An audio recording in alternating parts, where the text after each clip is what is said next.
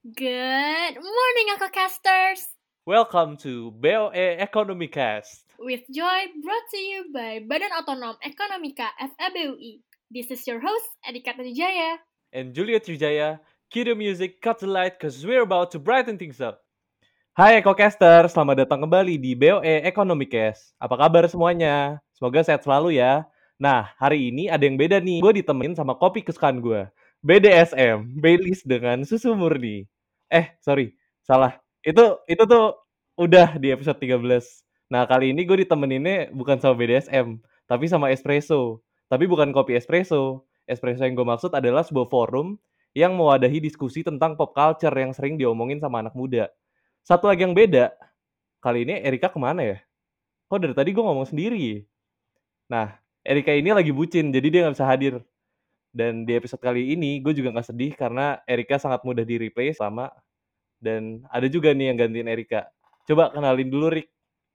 Halo semuanya, gua Riko dan hari ini gua akan ngebajak EcoCast, ngegantiin si Erika yang lagi bucin. Nah, Riko ini adalah anggota BOE Divisi Kajian tahun 2019 dan dia juga ini adalah VPO dari Espresso buat tahun ini. Betul, tadi gua sebelum kita tag podcast ini gue lihat-lihat Twitter kok rame ini ada 260 ribu tweet Zara nih apalagi nih Osi gua nih di JKT nih. Oh, lu Kenapa? wota ya, wota. Wota keras pak gue dari SD Wota tuh ya. keras. Wah gila pak. Buset dari SD. SD gue suka banget dulu dulu tuh. Eh Sampai sekarang, sekarang. masih sekarang cuman Zara nih kurang ajar gue lihat-lihat nih kenapa nih? Kenapa sih dia? Saya digrepe pak kan gue jadi pengen gitu loh kayak apa sih ya gitu terus kayak kesebar di publik kan Apa kalau misalnya dia digrepe-grepe? Kan dianya emang responnya gimana pas digrepe-grepe? suka Oh, berarti konsensual dong. Gak apa-apa dong. oh iya sih cuman kan menurut gue itu nggak pantas aja ditampilin ke publik apalagi kita kan orang Indonesia dengan budaya ketimurannya yang sopan santun dan tidak suka senonoh Oh, mungkin mungkin dia nggak sengaja. Udahlah, jangan dibully lah. Kasian. ini orang jadi lu ngebela dia Lah iyalah, emang dia salahnya di mana? ya salahnya di grepe lah misalnya lu di grepe gitu terus lu taruh di story emang itu nggak salah Iya, tapi kan konsensual. Terus itu kan gak sengaja. Langsung dihapus kan abis itu. iya karena udah rame itu dihapus Udahlah, lu banyak mau anjing. iya emang gua guguk Lu gak terima. lu gak terima. oh iya salah dong Udahlah, daripada kita berantem mulu, mendingan kita cari orang yang waras. Daripada kayak gini, kita berantem gak ada ujungnya. wah siapa tuh orang warasnya Nah, kita langsung kenalin aja kali ya. Tamu kita kali ini adalah seorang anggota BOE di divisi kajian yang masuk di tahun 2014. Dan ini adalah founder dari Espresso. wih Halo Kak Priska, Guys, apa kabarnya Kak? baik-baik. Eh, by the way, Lalat ya, foundernya nggak hanya gue doang kok. Walaupun gue PO-nya. Ya, sama Ganenda juga, VP gue. salah satu kita bilangnya salah satu ya Salah satu founder. Kak Priska gimana sih pendapatnya tentang diskursus di sosmed kayak yang baru-baru ini kan yang kasus Zara ini kan banyak banget orang yang komen atau balas-balasin tweet orang dengan isinya berantem aja, isinya berantem terus nggak ada ujungnya debat gitu. kusir Pendapatnya jadinya ya. Kalau gue ngeliatin Twitter, kan mungkin kalau discussion dibandingkan dengan Instagram gitu, lebih banyak kan di Twitter ya. Karena itu a public space, terus nggak ada yang semua orang punya tempat itu, nggak ada rules yang pasti gitu loh untuk kayak cara main kita diskusi. Jadi makanya it's a bloodbath banget sih menurut gue. Susah untuk kalau orang pengen punya manner untuk diskusi yang dengan pikiran yang jernih dan dengan manner yang bagus itu susah sih menurut gue kalau nggak ada rules and mannersnya. Terus berarti menurut kakak diskusi yang baik tuh selalu harus ada rules dan sesuatu yang mengatur ya, ada payungnya gitulah dalam suatu diskusi. Gue pas di BOE pernah nulis soal ini sih masalah bersuara yang berkualitas. Gue lupa ya waktu itu gue nulis untuk majalah apa. Tapi menurut gue setiap kali kita discuss itu perlu yang namanya kita mempertanggungjawabkan apa yang kita sampaikan. Yes menurut gue we have freedom of speech tapi freedom of speech itu nggak bisa di abuse dan itu perlu dipertanggungjawabkan apa pun yang kita katakan apakah itu solid apakah itu argumennya berbasiskan dengan data dan fakta dan apakah kita respect other people's opinion, menurut gue parameter-parameter itu harus ada sih pada saat kita berdiskusi. data tuh biasanya rada ada yang ada yang satu datanya kayak gini, satu datanya kayak gitu. Jadi mungkin orang-orang punya punya pegangan data yang berbeda gitu loh kak. Jadi kita nggak bisa berdiskusi dengan aksiom yang sama dong karena itu. Jadi kalau begitu apa orang itu melanggar terms yang tadi kakak bilang dalam berdiskusi itu kak? Kan menurut dia dia udah punya data juga. Nah, gue setuju sama lu Siri, karena data itu kita juga sulit ya kadang memverify mau itu di sosmed, mau itu di apa pun yang kita baca. Makanya menurut gue pen pentingnya critical thinking tuh di sini sih. Untuk memilah-milah, kalau misalkan kita data itu dapat data dapat banyak banget, kita perlu kita perlu logical thinking dan critical thinking yang mumpuni untuk kita mencari konsistensi di data itu untuk memilah-milah mana data yang bisa kita percaya, mana yang nggak bisa kita percaya. Tapi kalau misalkan nggak ada data pun, menurut gue di sini pentingnya logical thinking. Oh, jadi orang-orang yang nggak bisa berlogical thinking nggak usah main Twitter gitu ya? Kayak orang gitu aja sih. bisa sih kalau ngomong pakai emosi doang. Ini ada teori dari Huizinga yang bilang kalau civilization itu dibangun oleh rasionalitas kan, sehingga kita itu suka diskusi. Hmm. Tapi kadang-kadang orang itu terlalu menekankan rasionalitas gitu dibandingkan emosi. Apakah itu boleh atau harus gitu? Kalau mau diskusi itu harus sangat rasional atau gimana? Hmm. Menurut gua, logic sama emotion itu sama-sama ada roles-nya pada saat kita berdiskusi sih. Tapi kita perlu menempatkan logic pada posisinya logic dan menempatkan emosi pada posisinya emosi dan pada roles-nya masing-masing. Misalkan kalau misalkan dengan logic itu membantu kita yang kayak tadi gue bilang memilah-milah apakah informasi yang masuk ke dalam otak kita itu make sense atau enggak, apakah itu logical atau enggak. Terus abis itu, misalkan untuk menempatkan emosi, itu pentingnya memiliki emosi pada saat kita berdiskusi adalah untuk menempatkan diri kita di posisi orang lain yang discuss with us gitu. Dengan emosi itu kita bisa berempati, trying to understand point of view-nya orang tersebut, trying to understand how they feel. Sebenarnya emosi itu cara kita mendapatkan data juga kan, how, how the person's feeling, point of view mereka, itu emotion will help us to understand the other party that we having discuss discussion with. Cuman, ya itu tadi harus dibalance sih menurut gua ya antara logic sama emotion mereka yang punya emosi dan perasaan yang sama itu malah membentuk echo chamber masing-masing gitu kak dalam diskursus online gitu biasanya apalagi kayak circle-circle RT di Twitter atau gimana itu menurut kakak gimana tuh kak? Well, menurut gue tujuan kita berdiskusi adalah kita bisa mendapatkan full picture-nya kan. Karena yang tadi lu bilang, echo chamber atau orang memiliki perspektif masing-masing itu inevitable, sesuatu yang nggak bisa dihindarin, karena people will see things differently. Makanya we have to discuss supaya we get the full picture of things. Jadi bisa aja satu kebenaran tapi dilihat dari berbagai sisi. Misalkan satu kebenaran, ada satu kebenaran misalkan itu adalah sebuah kubus. Kubus ada berapa sisi? Ada banyak sisi kan? Tapi itu tetap satu kubus. Makanya tujuan kita berdiskusi adalah melihat kubusnya itu dengan sisi yang berbeda itu kayak gimana bentuknya sebenarnya? Itu gak sih? Oh iya. Lo setuju gak pikiran saya jadi terbuka setuju, kak. wow setuju sih gue nah ini kan kita dari tadi ngomongin soal diskusi diskusi terus hukum-hukum buat berdiskusi. Nah daripada kita bingung-bingung BOE ternyata juga punya loh acara diskusi yang keren banget. Kayak kerennya tuh keren banget sampai ini pengen meninggal gitu loh. Nah ini namanya espresso yang tadi Julia ngomongin di awal. Jadi kita sekarang mau ngomongin soal espresso nih. Espresso tuh apa sih sebenarnya? Kan bingung gak sih kayak ada acara diskusi? Yang diskusi ngapain? Diskusi dibikin acara gitu kan? Mungkin pada yang mikir kayak gitu ya nggak apa-apa sih kalau mikir kayak gitu cuman lu bukan teman gua aja gitu loh. Jadi eh, parah lu milih-milih eh, ya ya udah sih ya udah maaf. Ya udah lu temen gua tapi gua nggak deket sama lu. Nah intinya espresso ini adalah acara diskusi yang yang gimana ya daripada kita berasumsi-asumsi sendiri mendingan nanya sama yang buat gak sih salah satu pendirinya? Cerita dibuatnya gimana sih kak espresso ini pembentukannya Sebenarnya ini cukup relate ke yang barusan kita discuss sih, masalah creating a space dengan parameter-parameter yang ada, tapi tetap fun supaya kita bisa diskusinya itu produktif, melihat satu kebenaran dari berbagai sisi, tapi chill dan tetap fun. Gimana caranya membuat diskusi yang serius dan mengedepankan kode etik berdiskusi jadi fun tuh kak?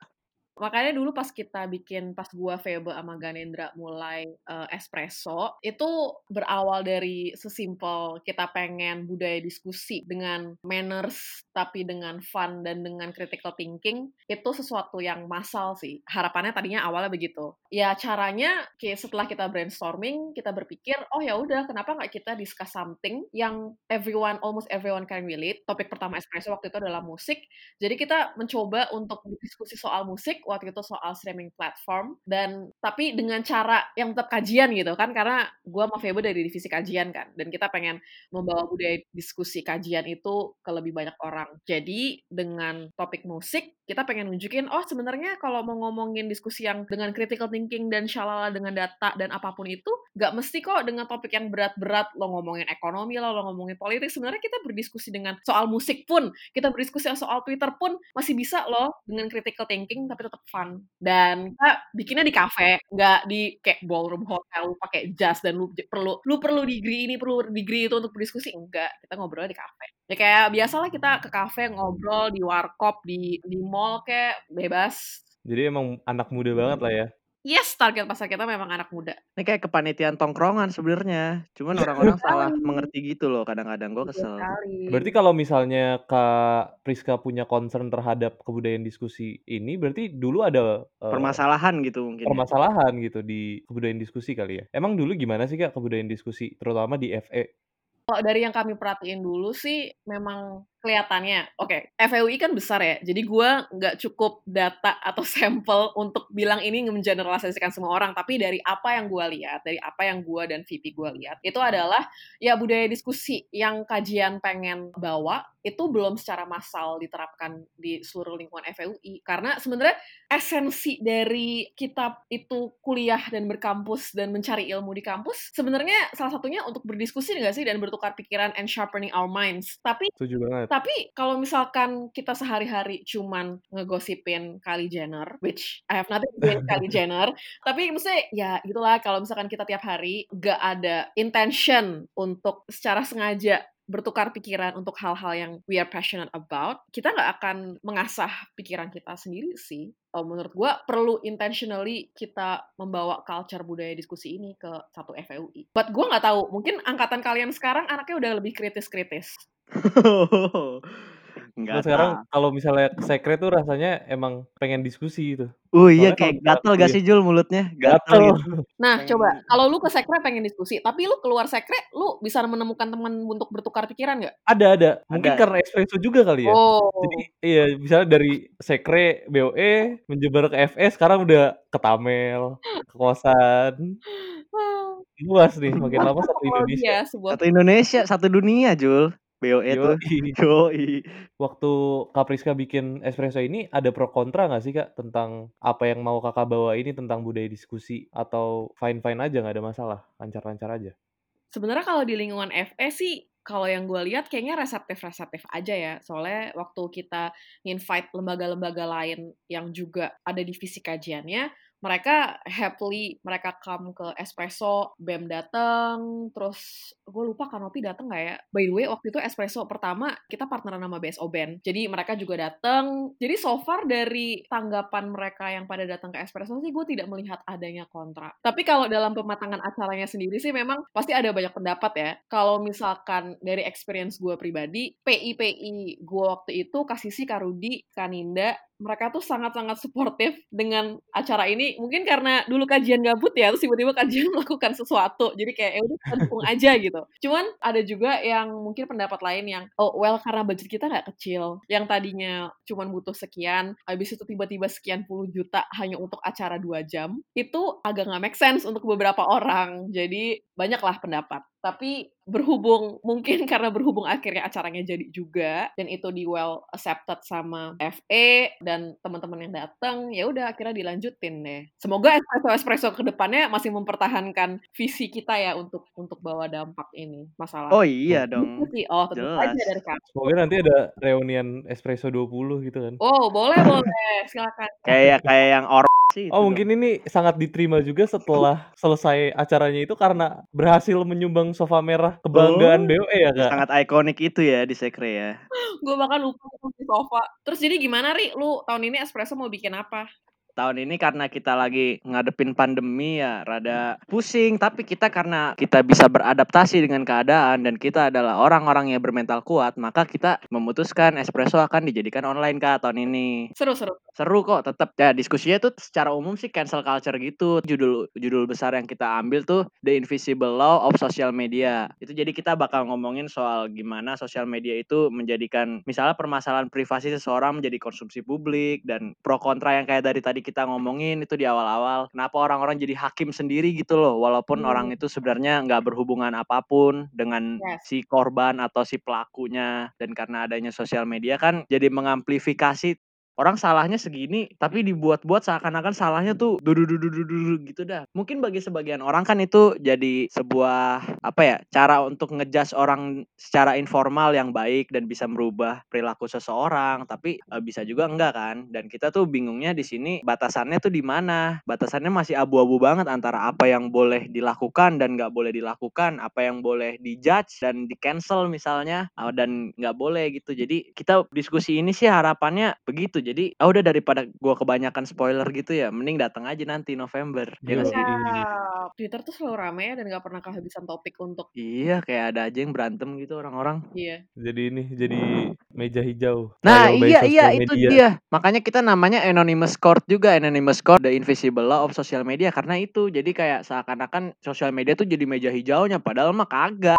Lu siapa gitu loh Menurut kalian perlu dibalance nggak sih antara ngebacot sama baca buku atau baca gitu untuk menambah ilmu? Menurut gue penting banget sih baca buku dan ngebacot itu harus dibalance banget. Karena biasanya ya kalau misalnya gue datang ke suatu perkumpulan buat diskusi kayak ngobrol gitu diskusi itu misalnya gue datang bawa satu ilmu tapi ada empat orang atau lima orang di sana. Pas gue pulang gue jadi dapat lima ilmu gitu loh. Ini kayak MPKT jadinya Jul. Jadi kayak home group gitu makasih banget kak Priska udah mau jadi bintang tamu kita di episode kali ini dan memberikan insight-insight yang sangat insightful buat kita ya makasih banget ya kak Thanks for having me guys. Semangat buat Espresso dan BOE Ekonomika. semangat juga kak. Priska menghadapi kehidupan yang Iya, keras kehidupan yang keras dan kadang-kadang pahit Yang mau ikutan diskusi kita bisa langsung email ke boe.economicast@gmail.com atau datang langsung ke acara Espresso dan juga komen di Instagram kita @boeconomica dan juga tweet di Twitter kita dengan username yang sama. Jangan ragu dengan kami karena batas kata-kata bukan budaya kami Dadah. Dadah. See you at the next episode.